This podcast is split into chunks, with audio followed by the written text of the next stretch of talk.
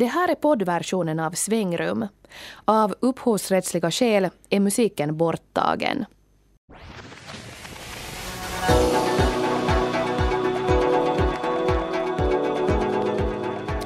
Det har blivit dags för Svängrum som idag ska handla om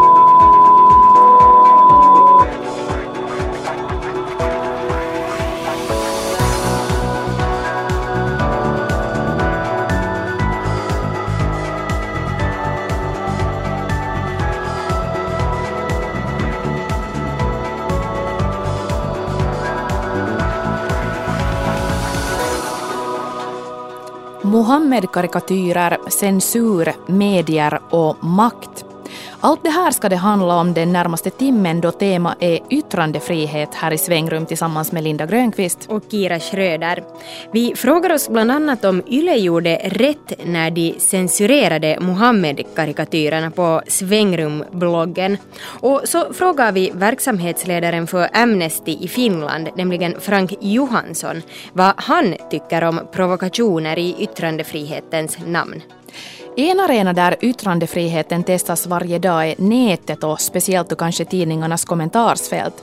Och vi får också höra om vad svenska Dagens Nyheter har gjort för att få bukt med näthat och rasism på sin webbplats.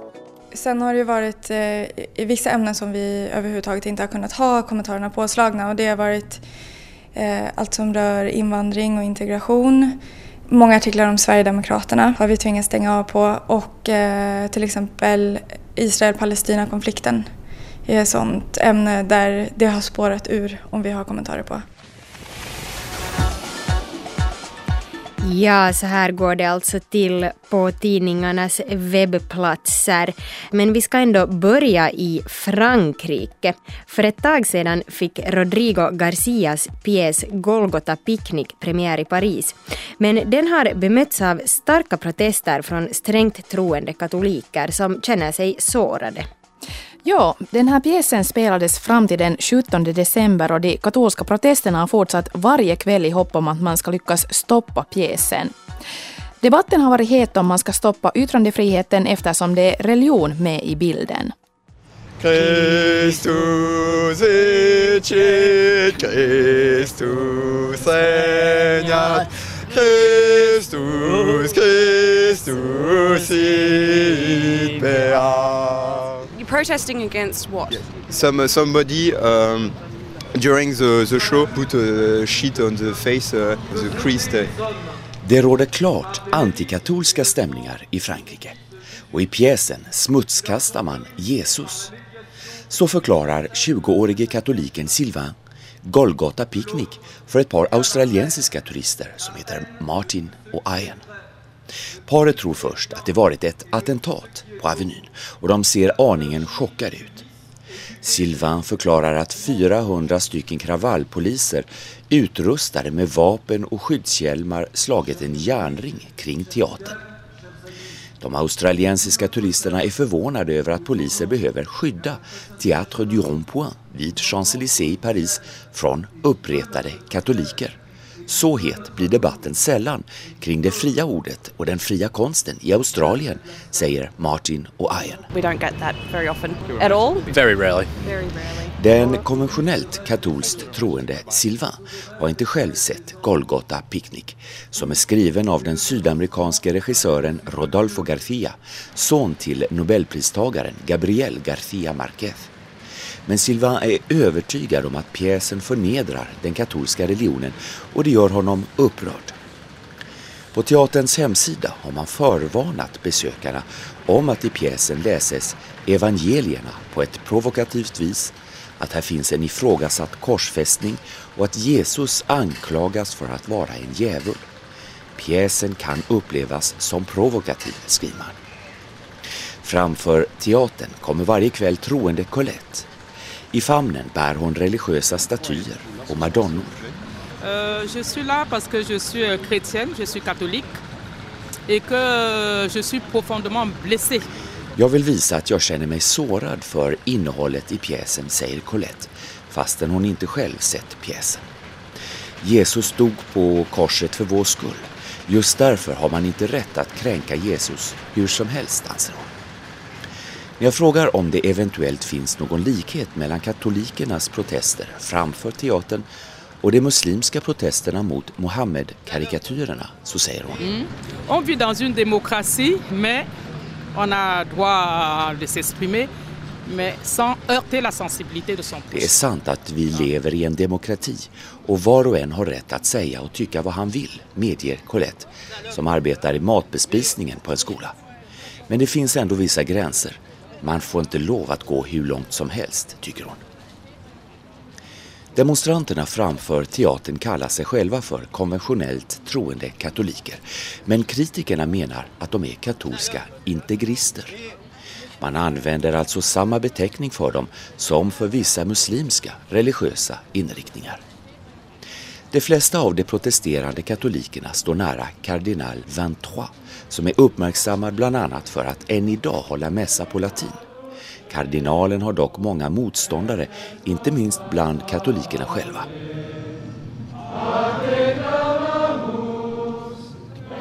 För en av kardinal 23 anhängare, som höll tal framför teatern häromkvällen, är världen enbart uppdelad i svart eller vitt.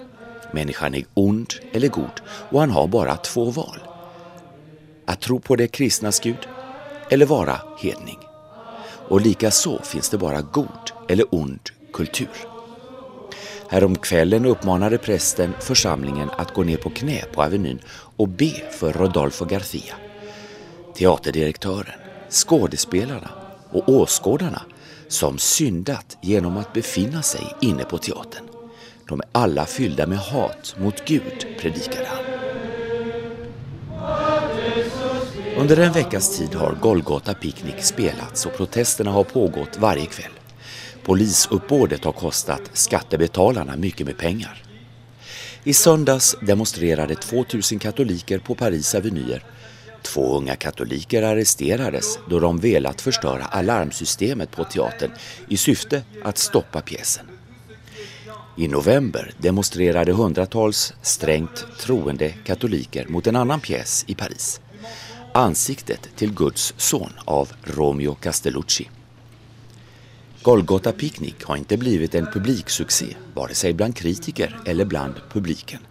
Så gott som i all fransk media har man därför mest debatterat om man har rätt att stoppa en teaterpjäs på grund av att den berör religionen.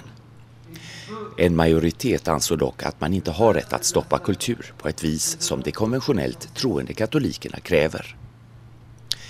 Teaterbesökaren Daniel, som är journalist på en vetenskaplig tidning, tycker det är chockerande att man måste skydda en teater från uppretade katoliker. Man bör inte hota yttrandefriheten på det här viset, anser hon. Trouve euh, choquant qu'on ait besoin de protéger un théâtre. Euh, Paris borgmästare Bertrand Delanoë har beklagat de religiösa protesterna och i en presskommuniké har han understrukit att all konstnärlig verksamhet ska vara fri. För så står det i den franska republikens demokratiska lagar och förordningar. Spanskläraren Monique säger sig vara emot all slags religiös fanatism. Men understryker hon och visar sin biljett för de många stränga teatervakterna. Det innebär inte att jag tvunget tar ställning för Rodolfo Garcia och hans pjäs. Monique säger det är för att kunna skapa mig en egen uppfattning om Golgata Picnic som jag kommit hit själv för att se den. Bah, je vous le dirai quand j'aurai vu la pièce. Oui. Je peux pas, je peux pas dire du mal d'une pièce que j'ai pas encore vue. Och redaktör för det här inslaget från Paris var Johan Tolgert. Och här var ju verkligt kränkta känslor då bland de här upprörda katolikerna. Jag kan så där förstå deras upprördhet, eh, men det som jag tycker att är lite konstigt och faktiskt inte tycker jag är så väldigt bra är att eh, man går ut och protesterar så här vilt äh, mot någonting som man inte själv har bekantat sig med. Flera av dem som uttalar sig här hade ju inte sett pjäsen i fråga själva. Nej, och det här tycker jag att det är ganska vanligt faktiskt, att äh, man ofta blir upprörd över någonting som man kanske inte själv har förstahandsinformation om, utan att man just hör om det från någon annan. Uh, sen det som jag tyckte att var spännande var det här som uh, kom fram i inslaget, att den här pjäsen i sig inte har varit någon publiksuccé och att kritikerna inte heller har tyckt att den som konst egentligen då har varit särskilt eh, bra. Då. Um, så att det, på något sätt att den här pjäsen istället har blivit ett startskott för en sån här diskussion om vad man får göra i konstens namn och hur man får kritisera religion. Och, och det är ju jättebra att det, att det är så. Det verkar nästan som att det kanske har varit syfte bakom hela, att nu vet jag ju inte, men av, av de här som har liksom startat den här pjäsen, att det har varit hela syfte. Samtidigt tänker jag att om det är så, så är det ju väldigt nära det här med att provocera för provocerandes skull och det kommer vi ju att återkomma till här lite senare i sändningen. Ja, fast som du sa så är det ju nog en väldigt viktig diskussion det här med vad man får göra i konstens Absolut. namn och om man får göra något mera än, än när man uttrycker sig alldagligt. Och, och jag tycker nog det skulle vara befängt om, om vem som helst som blir upprörd över något, något konstnärligt innehåll får, får sätta stopp för det för då skulle vi inte ha så hemskt mycket konst i världen alls. Eller åtminstone tråkig konst. Väldigt tråkig konst, ja. Uh, och i det här inslaget så jämförde man ju protesterna mot den här pjäsen med de protester som publiceringen av Muhammed-karikatyrerna ledde till för några år sedan. Och det ska vi diskutera närmare här näst.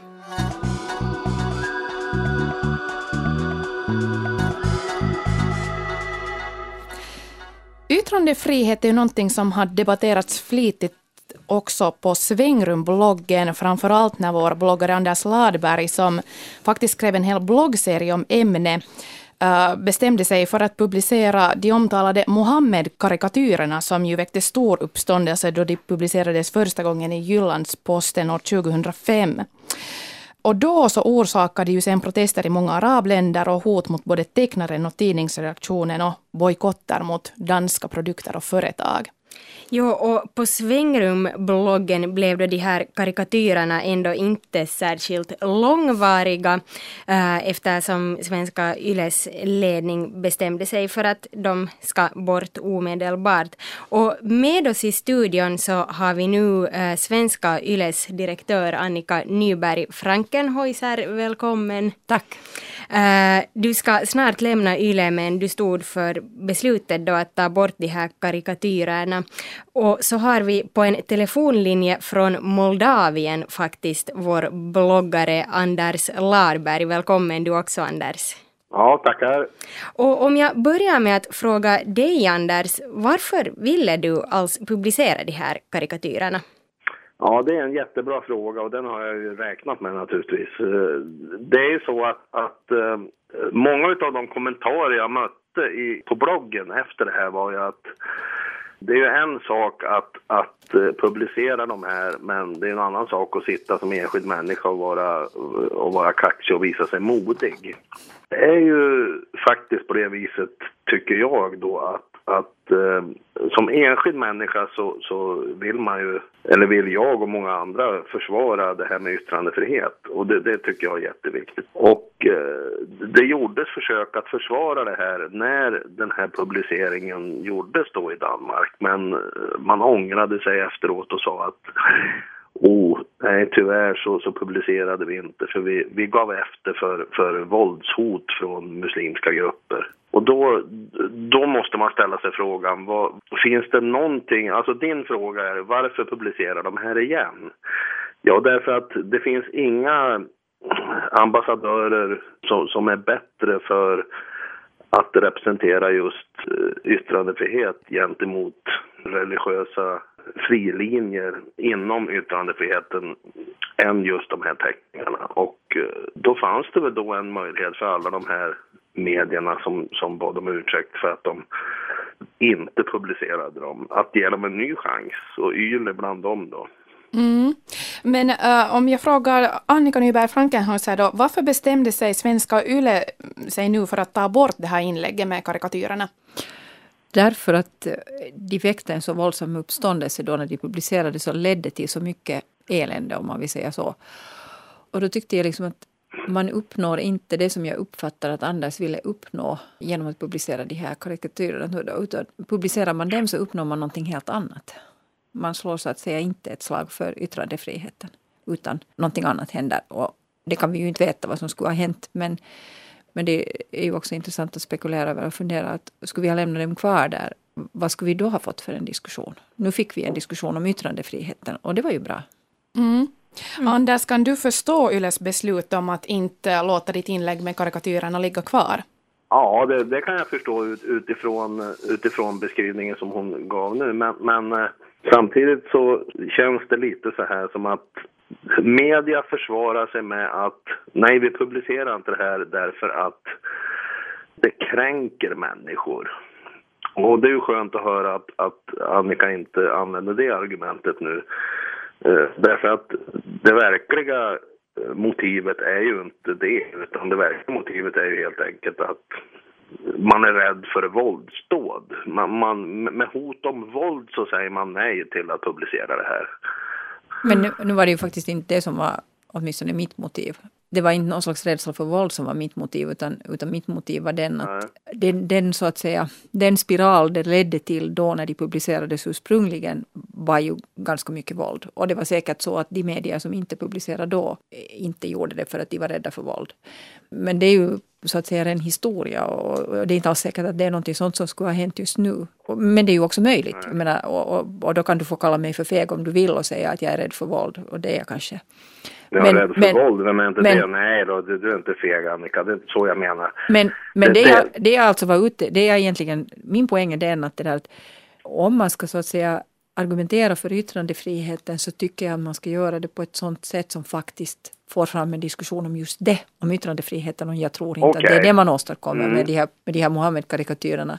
Mitt andra argument var det att då när jag fattade beslutet om att de, att de skulle tas bort så förstod jag faktiskt inte riktigt varför du ville publicera dem och om du kommer ihåg så ställde jag dig den frågan sen mm, senare mm, under, ja. under bloggdiskussionen. Jag, jag, jag, gav ett svar också men, ja. men och, och, och, mitt svar är ju fortfarande att, att uh, det finns ingen uh, diskussion som har varit de senaste 20-30 åren som har varit så brännande just vad gäller yttrandefrihet och religionsfrihet som just de här teckningarna. Och varför ska man inte utnyttja det tillfället som skribent att, att utnyttja det när, när man ändå är ute efter att diskutera yttrandefrihet? Det, det vore ju nästan ett brott att inte göra det. Mm, möjligen. Alltså, li, lite så känner jag. Får jag fråga dig en sak? Förstår för... du vad jag menar? Ja, jag förstår vad du menar.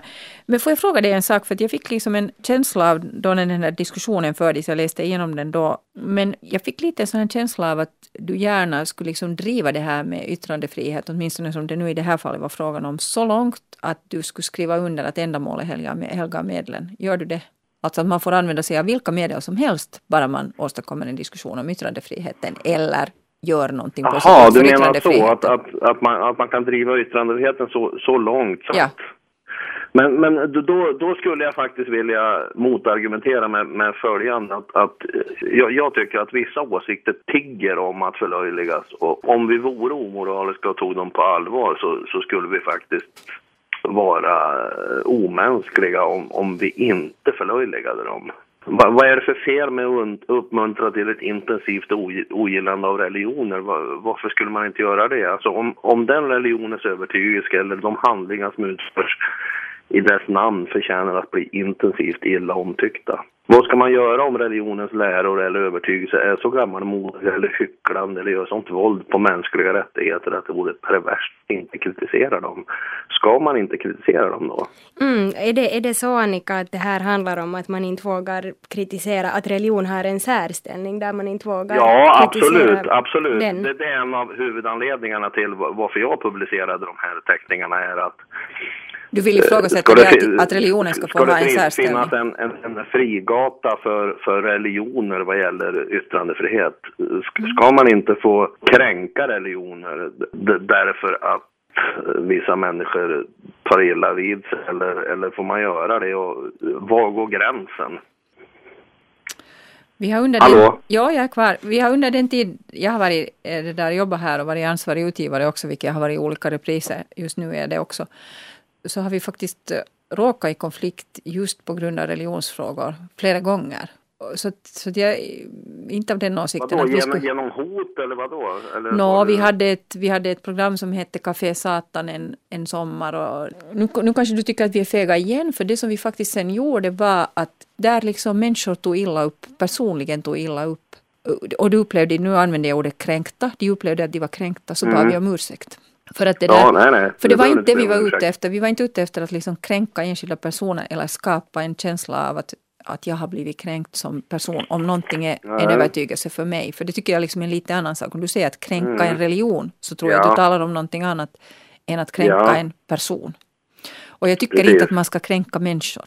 Här tror jag att vi liksom talar om en sån här ganska kärnfråga när det gäller just religiositet. Och jag minns att det i samband med att de här Mohammed-teckningarna ursprungligen publicerades så fördes det en diskussion som jag tyckte var ganska intressant som handlade om det att vi västerlänningar som har blivit väldigt sekulariserade inte mera har en känsla för det som är heligt. Och att det finns en känsla för det som är heligt i islam och bland människor som bekänner sig till islam som är för det första antagligen annorlunda än den känsla vi har. Och att det här är någonting som man ska vara försiktig med. Jag, tyckte det var, jag är inte säker på att jag helt greppade den där diskussionen då, men jag minns att jag tyckte att det var ganska intressant och att det antagligen är sant. Den här uppfattningen om vad som är heligt varierar ganska mycket och det är när du kommer nära den som jag tror att människor känner sig kränkta. Om det här är samma sak som att vara mm. religiös tänker jag inte ta ställning till. Men jag tror att det här nej, begreppet okay. helighet finns. Men om vi istället, nej, nej, för att tiden börjar rinna ut, så om vi istället går vidare, och då tänkte jag fråga uh, Annika dig så här, kan man säga att det då råder total yttrandefrihet om man inte får publicera Mohammed-karikatyrerna?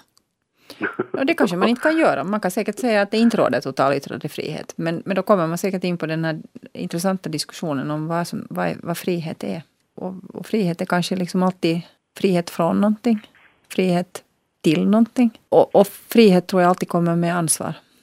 Jag skulle ha en sista fråga till dig Anders. Så den skulle lyda så här. Jag menar, mm. du är den um, pratar om varmt för yttrandefriheten och då undrar jag så här att tycker du att man i yttrandefrihetens namn då också ska låta till exempel nynazister, homofober eller rasister komma till tals? Ja, det tycker jag verkligen. Det är klart att man ska. Men nu är det ju så att i många nordiska länder så är det direkta lagbrott att till exempel uppvigla till hets mot folkgrupp. Ja, vi har en annan situation också som diskuteras idag och det är alltså att anonyma debatter där man kan åberopa fri yttrandefrihet som orsak att häva ur sig vad man vill och känner och tycker oavsett hur kränkande och personligt det kan vara spelar ingen roll. Och om det skulle vara så att man kan säga vad som helst, då skulle vi inte behöva ha en diskrimineringslag. Mm. FNs deklaration om de mänskliga rättigheterna, artikel 19, så står det att var och en har rätt till åsikts och yttrandefrihet. Denna rätt innefattar frihet att utan ingripande hysa åsikter samt söka, ta emot och sprida information och idéer med hjälp av alla uttrycksmedel oberoende av gränser. Men i artikel 1 står det också att alla människor är födda fria och lika värda och har lika rättigheter. De har utrustats med förnuft och samvete och bör handla gentemot varandra i en anda av gemenskap. Och det är just i den här eh, vågdalen mellan det förra och det senare som jag läste som, som religionen kommer in och ställer till det faktiskt. Ja. Och här är, det, här är det viktigt för oss människor att eh, det vore hemskt och befängt att inte ingripa när man ser vad religionen gör med människor. Man kan ju ännu kanske tillägga, nu, nu citerar du de mänskliga rättigheterna. Yttrandefriheten ligger också till grund för de journalistregler som vi följer i vår verksamhet. Och de finns faktiskt inskrivna i journalistreglerna också. Att ja, yttrandefriheten är grunden för ett demokratiskt samhälle. Jajamän. Där ska vi kanske sätta punkt för då den här debatten. Uh, tack till dig Anders Ladberg, svängrumsbloggare och Annika Nyberg Frankenhäuser, ännu uh, direktör för Svenska Yle. Och mm. ni lyssnare Uh, debattera gärna vidare frågan om yttrandefriheten på vår blogg på svenska.yle.fi svangrum. Du lyssnar till livsåskådningsprogrammet Svängrum tillsammans med Linda Grönqvist och Kira Schröder. Och idag pratar vi alltså om yttrandefrihet. Och en av de organisationer som kanske förknippas allra starkast just med yttrandefrihet är människorättsorganisationen Amnesty International. Och när det gäller yttrandefrihet så handlar Amnestys jobb ofta om att hjälpa och försvara journalister och människorättsaktivister som till exempel har fängslats på grund av att de uttrycker sina åsikter eller kritiserar någon regim. Och vi ska nu göra en liten lägeskoll med tanke på yttrandefriheten tillsammans med Amnestys verksamhetsledare här i Finland, Frank Johansson. Och han har inget klart svar på ifall han själv skulle ha publicerat Mohammed-karikatyrerna om han hade varit chefredaktör. Men han lutar mer mot ett nej. Jag, jag tror att om man vill kritisera eh, kanske ofta ganska konservativa grad i olika religioner, om det sen handlar om kristendomen eller om det handlar om islam eller det handlar om, om vilken religion som helst, eh, så kan man göra det eh, på ett sakligt sätt och föra en saklig debatt.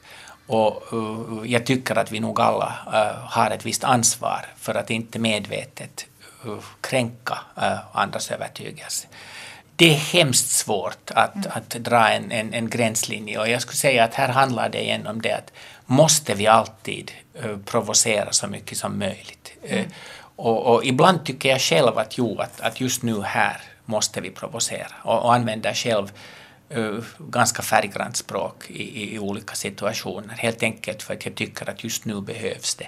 Men att, att man måste ju alltid ställa sig den frågan, att, att, att är det här rätt språkbruk, rätt form, Eh, för att, att främja det som man vill? Eller gör man det bara för att man får göra det? Mm. Eh, och, och, eh, ibland tycker jag att det är en sån här liksom hyfs Liksom, att, att, att vad, man är, vad man, det, det, går inte att, att, att bedöma det juridiskt utan det, det handlar om liksom att, att, att hur pass artiga, hur pass uh, hyfsade vill vi, vill vi vara.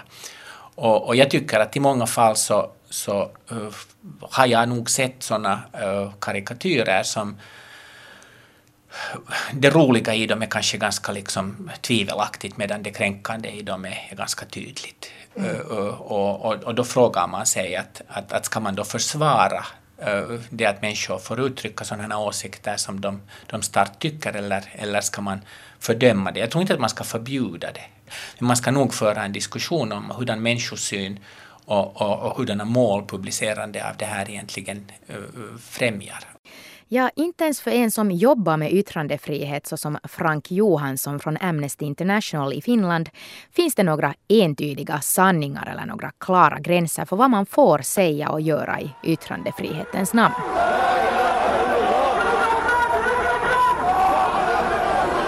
Jyllandspostens beslut att publicera Muhammedkarikatyrerna år 2005 ledde till våldsamma protester som till och med krävde flera dödsfall Jyllandspostens redaktion mordhotades. Lars Vilks som hade tecknat karikatyrerna fick utstå både mordhot och attacker och flera länder bojkottade danska produkter. Men vi ska nu ta ett steg tillbaka från Mohammed-karikatyrerna och låta Frank Johansson påminna oss om varför yttrandefriheten egentligen är så viktig jag har ju alltid tyckt eh, att det är en av de grundläggande rättigheterna. Att, att ska man ha ett, ett, ett samhälle var människor demokratiskt fattar beslut och gemensamt eh, får sin, sin vilja hörd, så då krävs det nog yttrandefrihet. Det går en ganska klar parallell med att ju mindre demokrati det finns i länder, uh, också finns det oftast mycket mindre yttrandefrihet. Genast när man får mera yttrandefrihet så väcks det också mera krav på uh, medbestämmande rätt och, och demokrati. No, om man då skulle titta så här uh, mera globalt, kan man på något sätt ringa in de områden, problemområden där yttrandefriheten trampas på? Det är nog ganska svårt, för att det, det sker i olika former nästan överallt i världen.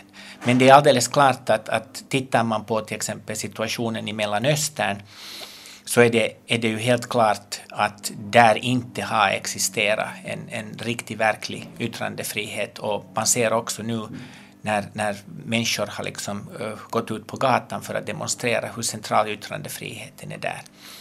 Men vi behöver inte gå så hemskt långt, man tittar bara på Ryssland eller Vitryssland uh, helt bredvid oss och helt klart också de, de forna uh, sovjetiska delarna i Centralasien och sen därifrån neråt Kina och många andra asiatiska länder oerhört problematiskt. Sen ett annat uh, klart område är att det är många länder i Afrika uh, fortfarande är, är uh, lite si och så med, med yttrandefriheten. Ofta handlar det också om att, att i sådana länder som är i krig, där, mm. där krig försiggår, så existerar egentligen ingen yttrandefrihet. Kan man då peka på någon form av utveckling? En viktig sak är att efter 1989, efter Berlinmurens fall, så skedde det en ganska stor förändring i, i Östeuropa.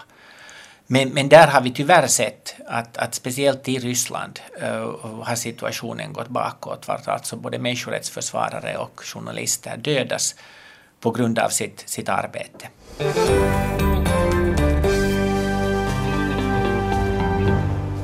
Jag befinner mig just nu i en ceremonihall som det kallas, där Anna Politkovskaja ligger i en öppen kista i ett hav av nejlikor och rosor. I slutet av juli fick Pavluchenkov en beställning. Han fick order att sköta om att någon mot betalning skulle döda Anna Politkovskaja. Rättegången mot de tre personer som är misstänkta för mordet på Anna Politkovskaja inleddes i Moskva idag, bakom lyckta dörrar. Få mördade ryska journalister får så mycket uppmärksamhet som Anna Politkovskaja, människorättskämpen som sköts till döds i hissen till sin lägenhet år 2006. I världen beräknas totalt 50 till 60 journalister dödas årligen och upp till 200 sitter fängslade berättar Amnestys Frank Johansson. Och då är det klart att, att de länder där det förs krig är, är farligast för journalister. Eh, Irak eh, hade dött mera journalister än, än någon annanstans i världen under de senaste tio åren. Också i Mexiko är det oerhört svårt att vara journalist. Där handlar det mer om drogkartellernas eh, krig som, som gör det livsfarligt att, att rapportera om det. Eh, men också Ryssland, eh, Pakistan är, är sådana länder var, var över 70 eh, journalister har dödats under de senaste tio åren. Och hur är det då? Är det samma liksom, problem när det gäller yttrandefrihet som vi, frihet som vi har fortfarande eller, eller har fokus på något sätt ändrat? No, det är ju alldeles klart att, att den stora uh, liksom skiljedragningen och som också har lett till att, att man egentligen måste liksom titta över regelverket helt på nytt är internet och, och sociala medier. Uh, det var betydligt enklare att följa med, granska och också liksom föra rättsprocesser Eh, eh, när det handlar om, om tryckt eh, media eller, eller sen då etermedia som redan förstås gjorde det lite svårare. Men, men i och med internet och, och det att i stort sett alla personer har en möjlighet att, att upprätthålla en blogg och, och skriva vad de tycker och tänka, ha olika slags chattsidor, så uh, ha tidigare eh, kanske mer privata diskussioner eh, som skulle falla inom för en privatsfär blivit offentliga. Och, och, då måste man titta att, att när har den här offentlighetströskeln eh, blivit så stor att någonting som man säger i ett kanske liksom privat blogg, privat chattsammanhang egentligen är i den offentliga sfären och därför bör behandlas som någonting som man har sagt till exempel på en demonstration eller någonting sånt. Och, och det, det, där tror jag att, att vi inte egentligen har några klara, klara lösningar och man bör nästan alltid titta på, på frågorna i, i den kontext uh, som de sker och på vilket sätt uh, man, man ska behandla dem personligen så tycker jag ju att den diskussion som, som förs på, på, på webben i, i olika sådana här uh, chattforum är ganska obehaglig. Mm. Men, men samtidigt så uh, behöver jag ju inte ta en del av den. Jag, jag får uh, hålla mig utanför den. Och, och på det sättet så, jag, jag är inte så hemskt benägen av att, att, att begränsa den eh, för att den ändå liksom sker, även om den är i offentligheten, så sker den på sätt och vis i en sån här halvprivat sfär. Men det är svåra gränsdragning. Ja, vårt program handlar ju mycket om nätdebatt och, och, och Finland eller kanske Norden. Um, men på något sätt blir det en absurd jämförelse att, att tala om yttrandefrihet i våra länder om man sen talar om sådana områden där det verkligen är ett problem att man inte får uttrycka sig. Att blir det på något sätt en absurditet inbakad i det? De, jag tror att i många länder handlar det om att, att man inte har en möjlighet att säga sådana saker som är, är, är oerhört viktiga för att, att utveckla uh, samhället. Medan det kanske hos oss handlar om att, att vi, vi tittar mera på yttrandefriheten som en sån här liksom, uh, absolut möjlighet att kläcka ur oss precis allting som vi vill. Har vi i Finland någon annan orsak att se oss i spegeln med tanke på yttrandefriheten? Jag tror att det, det, den frågan som, som man också måste ställa sig alltid när man diskuterar yttrandefrihet och det är det att, att vem, vem får, vem kan uh, yttra sig? Och, och, och, då handlar det ju om att uh, vem besitter den kunskap att de kan skriva någonting? Vem har uh, tillgång till datorer så att de kan delta på det sättet i, i debatten? Och då handlar det alltid om pengar, det handlar alltid om utbildning. Eh, och, och, jag tror att när det handlar om yttrandefrihet så borde vi också diskutera vem är det som äger medierna? Eh, eh, vem har tillgång till, till medierna? Och också i grund och botten det att vem har den utbildning att de på riktigt kan förstå och delta i debatten. Och då kommer vi alltid tillbaka till en form av välfärdsfrågor. Har du inte en utbildning Eh, eh, så att du kan eh, läsa och, och förstå vad som står i tidningar, så då betyder yttrandefriheten inte så hemskt mycket för dig. Och, och, och därför tycker jag att vi också ska se gratis grundutbildning för alla som en, en jätteviktig beståndsdel för att vi ska också fortfarande ha en yttrandefrihet.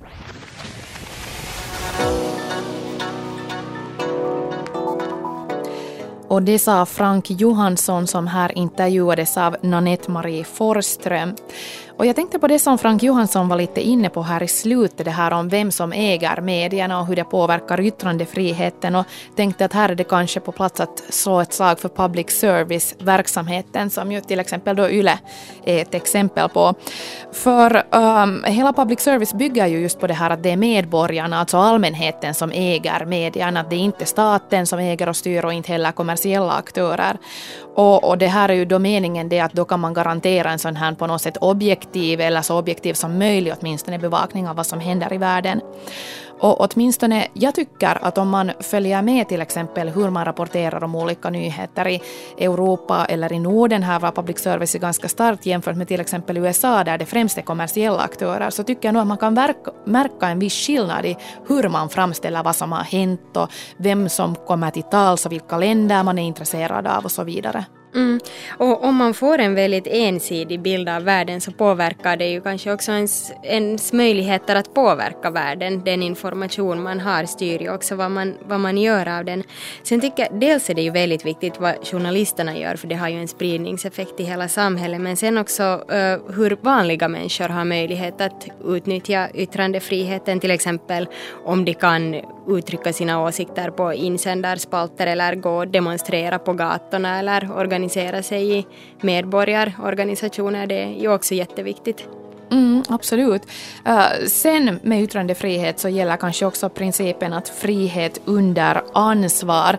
Och där kan man ju till exempel ta som exempel sådana här forum där olika fanatiska kretsar uppeggar varandra till vansinnes då då till exempel kan man då tänka på Breivik i somras. Eh, eller för att ta ett annat väldigt ofta använt exempel, Förintelsen, där man ju då ser vilka hemska följder det kan få om man så att säga tillåter att svartmåla eh, vissa folkgrupper. Mm. Ett annat exempel kan ju vara Rwanda.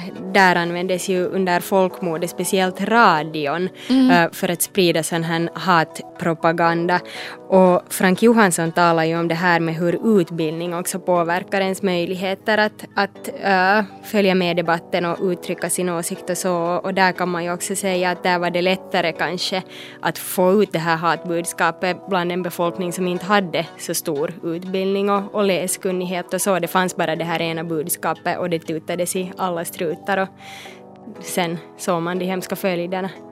Sen kan jag ibland tänka så här att det här med yttrandefrihet är på något sätt extra viktigt att föra fram och, och, på något sätt utveckla just i länder där det kanske inte råder demokrati, för där är det så jätteviktigt att, att man ska få med det elementet. Medan sen så här hos oss, där, vi, där demokrati redan är liksom en sån här grundrättighet och på något sätt en självklarhet, där kan jag känna att yttrandefriheten ibland kan bli ganska teoretisk för den enskilda individen. Alltså det är ganska få som i praktiken använder sig av den eller kan utnyttja den för att förändra samhället. Men, men trots det är det ju en jätteviktig princip. Ja, definitivt. Eh, men nu ska vi kanske gå vidare och fundera på ett område där yttrandefrihetens gränser ofta faktiskt utmanas nu för tiden, nämligen tidningarnas kommentarsfält på nätet. Och trenden verkar nu gå mot olika former av strängare kontroll. Bland annat så kräver många tidningar nu att man registrerar sig på förhand så att man inte kan vara anonym när man kommenterar inlägg. Och vi ska nu ta avstamp i några nätkommentarer från HBLs webbplats. Vänsterextrema Expo på propagandaturné i Finland. Snälla, deportera dem till Vitryssland. Där passar det bra. Här i Finland behöver vi en organisation som bevakar intoleransen och en stor anledning till det ser vi i dessa kommentarsfält. Ja, så här lät det i kommentarfälten på Hufvudstadsbladets webbplats efter att tidningen skrev om svensken Daniel Paul som kallade sannfinländaren Jussi halla för fascist. Paul, som är chefredaktör för den svenska antirasistiska tidskriften Expo, fick utstå en hel del kritik i kommentarfälten. Flera signaturer i HBLs nätdebatt uppgav sig vara svenskar som upplever att det inte är möjligt att tala negativt om invandring i dagens Sverige. I Sverige får man inte diskutera invandringens negativa sidor. Numera har flertalet större tidningar stängt kommentarsfältet på grund av så kallat näthat. Näthat är när man inte delar den gängse politiskt korrekta åsikten om till exempel invandring. För att få tyst på andra åsikter än det vad man själv företräder ger man näthatarna etiketten fascist, nazist och så vidare. Välkommen till Sverige, landet som är Orwells 1984. Näthatet har lett till att flera svenska dagstidningar har fått se över sin kommentarpolicy. En av dem är Dagens Nyheter där man helt har låst kommentarfunktionen på vissa ämnen där debatten tenderar att spåra ur. Så här berättar Anna Åberg från Dagens Nyheter om orsakerna till den nya policyn. Vi hade fram tills eh, i augusti helt öppna eh, kommentarsfält där vi haft eh, eftermoderering, då ett externt bolag som har skött vår moderering av kommentarerna. Och vi märkte att egentligen i samband med riksdagsvalet i fjol att eh, antalet rasistiska kommentarer ökade ganska markant. Eh, och det eh, var på artiklar, inte bara eh, sådana till exempel politiska artiklar utan det kunde vara på vad som helst. Det kunde handla om hästhoppning eller matlagning eller vad som helst så dök de upp de rasistiska kommentarerna. Och det blev eh, ohållbart för oss. Att vi kunde inte hantera det. Eh, så därför i augusti så stängde vi av kommentarerna helt. Eh, en nödåtgärd, eh, vi var tvungna att göra det. Då hade det legat några väldigt rasistiska och kränkande kommentarer i över en vecka på en artikel som inte hade plockats bort av det här externa bolaget. Då kände vi att vi kan inte garantera att eh, Eh, människor som ställer upp och pratar med oss och ställer upp med namn och bild i tidningen, att de inte blir utsatta för de här kränkningarna. Då stängde vi ner och sen så har vi då utarbetat det här eh, systemet där man måste registrera sig. Ja, sedan oktober i år har Dagens Nyheter alltså gått in för obligatorisk registrering antingen via Facebook eller några andra tjänster ifall man vill kommentera en artikel. Enligt Anna Åberg har det fått positiva följder. Tidigare så hade vi mellan eh, 2000 och 3000 kommentarer om dagen och idag skulle jag säga att vi har omkring 300 kommentarer om dagen. Så det är väldigt, väldigt stor nedgång i antalet kommentarer. Eh, men däremot så är kvaliteten på diskussionerna mycket bättre. Det är, det är bra diskussioner, eh, intressanta åsikter som förs fram eh, och saker som vi kan ha nytta av mm. i vårt arbete. De ämnen som har visat sig mest eldfängda i Dagens Nyheter handlar om politik i allmänhet och Sverigedemokraterna i synnerhet samt invandring och nyheter om Israel och Palestina. På HBLs webbplats går diskussionen om Expo-chefredaktören het och den punkteras på många platser av kommentarer som har blivit bortplockade av tidningens moderatorer. Men ändå verkar många av de svenska debattörerna uppfatta det finländska debattklimatet som friare än det svenska. Anledningen till att så många svenskar kommer till Husis och kommenterar artiklar beror på att det inte längre är tillåtet i Sverige tack vare Expo bland annat. Njut av det fria ordet finländare. Jag avundas er. Fy, fy, dessa svenskar med sina storebrorsfasoner. Jag menar komma hit och påstå att en av våra folkvalda är fascist. Häromåret var det en typ som kom med samma ordval och beskrev Mannerheim. Vänligen blanda er inte i våra angelägenheter. Åk hem och kom aldrig tillbaka. Vissa tidningshus i Sverige har gått in för att istället för att radera alla ovidkommande kommentarer flytta sådana kommentarer som inte berör artikelns ämne till en egen tråd. Det här har gett mer kvalitativa debatter om sakfrågor. Men Anna Åberg ser det inte som något reellt alternativ för DN. Det finns lite olika system, till exempel att man kan låta läsarna ranka kommentarerna, sätta betyg på dem och att de på så sätt flyttas upp eller ner beroende på om läsarna tycker att de är bra. Och det har vi diskuterat eh, och kommer möjligtvis att, att prova i framtiden. Men att helt ha kvar alla kommentarer, det tycker inte jag är ett alternativ för att en del av de kommentarerna som vi plockar bort är egentligen regelrätta lagbrott. Alltså det är hets mot folkgrupp eller eh, extremt kränkande eh, kommentarer, förtal, sådana saker som inte skulle få stå kvar någonstans. Så att ha kvar dem på vår sajt, det är inte ett alternativ för oss. Uh, var tycker du att gränserna för yttrandefriheten, helt enkelt vad man får säga och skriva, går? Det är en jättesvår fråga och vi måste vara ganska generösa. Men jag skulle säga att, att, lagstiftningen är så pass bra i Sverige idag att man kan förlita sig på den. Så är det ett lagbrott, är det hets mot folkgrupp till exempel, eh, eller extremt kränkande kommentarer, då ska inte det finnas där. Sen självklart måste vi vara öppna mot till exempel kritik mot oss som tidningsredaktion eller som, som journalister. Det, sådana kommentarer måste få finnas kvar till exempel. Eh, men det är, en, det är en väldigt svår fråga och en viktig fråga som mm. behöver diskuteras varje dag på tidningsredaktionerna. Mm. Vilket ämne, eller går det att, att nämna några ämnen där du tycker att, att den här striden eller debatten om yttrandefriheten just nu är intressantast och viktigast? Jag skulle önska att vi till exempel kunde i större grad ha kommentarer på artiklar som, till, som handlade, handlade om Sverigedemokraterna till exempel. Eh, för att det är ett viktigt ämne att diskutera och det är också en, ett ämne där vi hamnar någonstans i gränslandet kring vad som är okej och vad som inte är okej att säga. Eh, det är många som upplever att de blir censurerade när de skriver saker om till exempel invandring eh, och den kommentaren plockas bort. Eh, och det jag önskar att vi i större grad kunde ha diskussioner på, på de artiklarna för att det är viktigt att det diskuteras och det är viktigt att alla får säga sin åsikt där oavsett vilken åsikt det är. Eh, problemet är ju då att det ofta leder till att man går över den här gränsen till vad som faktiskt är ett lagbrott. Eh, och därför så kan vi klarar inte av i nuläget att hantera de diskussionerna. Vi har inte den kapaciteten och det är synd och det är det hade varit viktigt för yttrandefriheten att kunna diskutera de sakerna. Mm.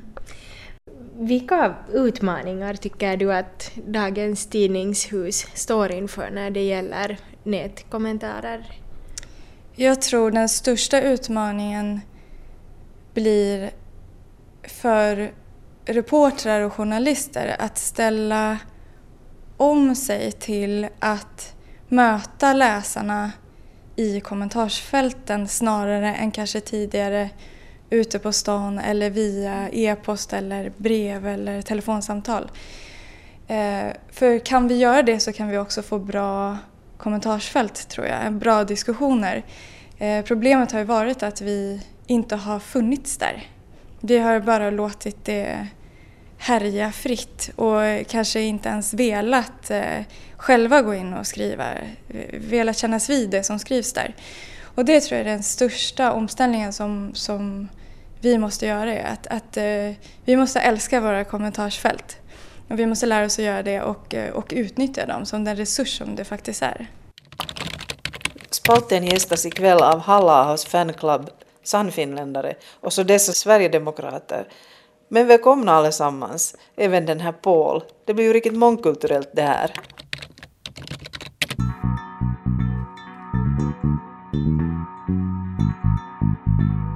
Där alltså några kommentarer på nätet. Uh, en sak som jag tänkte på uh, när det var tal om de här stängda kommentarmöjligheterna är det som jag har hört om att det lär ska finnas olika sådana sidor eller funktioner på nätet som um, liksom kan göra om vilken mm, webbsida eller artikel som helst i ett eget diskussionsforum. Och Google hade till exempel en egen funktion som hette Google SideWiki som var just en sån här funktion men av någon anledning så slog den här nog aldrig direkt igenom och nu har de liksom lagt ner, den finns inte ens hela den här funktionen. Mm.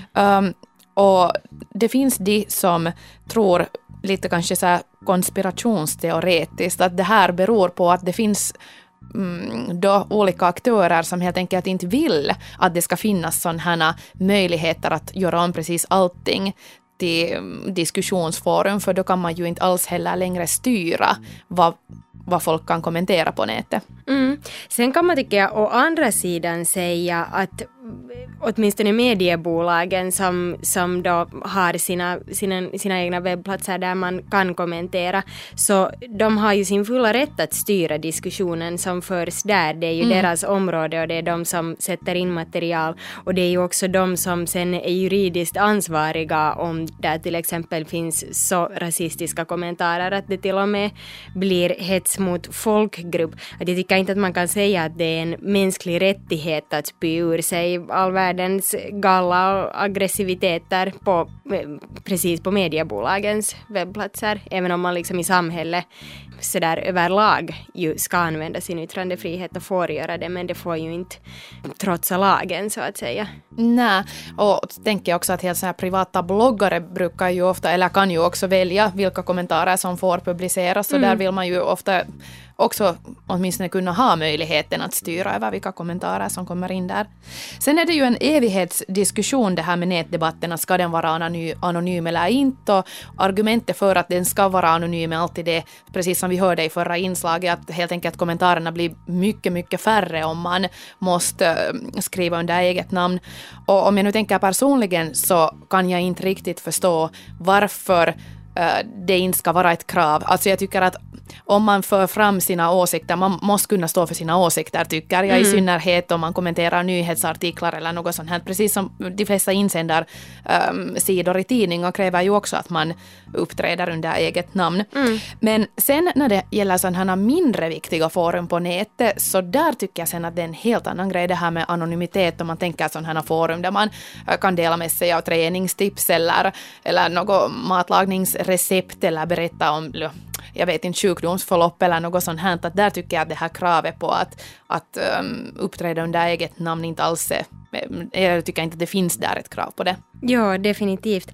Uh, du sa det här med att en, ett argument brukar vara att kommentarerna blir färre och ibland tänker jag att kanske det inte skulle vara så dåligt heller att det skulle bli lite färre kommentarer för som Anna Åberg sa så diskussionen blir mer kvalitativ ofta och den handlar om det som artikeln verkligen handlar om, det som man diskuterar på just den här nätsidan. När jag för det här inslaget läste igenom den här eh, diskussionstråden på HBL om den här Daniel Pauls besök i Finland så den var över 400 äh, eh, meddelanden lång och där var nog väldigt mycket tyckte jag helt ovidkommande och, och som det kändes också som att det var ganska mycket samma aktörer som debatterade sinsemellan hela tiden och, och det kom också fram på ett eh, seminarium om yttrandefrihet som jag var på här för några veckor sedan.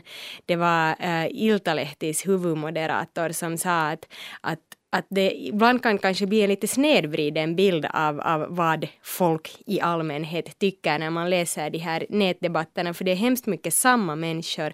Han sa att det är otroligt att det kan en varm augustidag när solen skiner och de flesta antingen är på jobb eller ute och solar eller, eller gör någonting i solen så kan någon ensam människa sitta och uh, producera 250 inlägg om till exempel hur hemska homosexuella personer är. Mm. Och det kan ju sen verka som att det är väldigt många men de facto om man sen kollar varifrån alla meddelanden kommer så är det en och samma under olika pseudonym. Och sen tror jag att man måste komma ihåg det också att, att det är ju de som har väldigt starka åsikter om någonting som ofta skriver att den största massan som inte varken tycker väldigt mycket bu eller väldigt mycket bä så de låter kanske också bli att kommentera överhuvudtaget och sen tror det kan också bidra till att det blir snedvridet. nu ska vi avsluta svängrum för den här gången um, och vi är tillbaka först, eller inte först, men vi är tillbaka på juldagen i alla fall. Eh, ja, och då ska det handla om skolornas julfirande. Men vi hoppas att ni har en skön jul tills dess och så hörs vi på juldagen. God jul!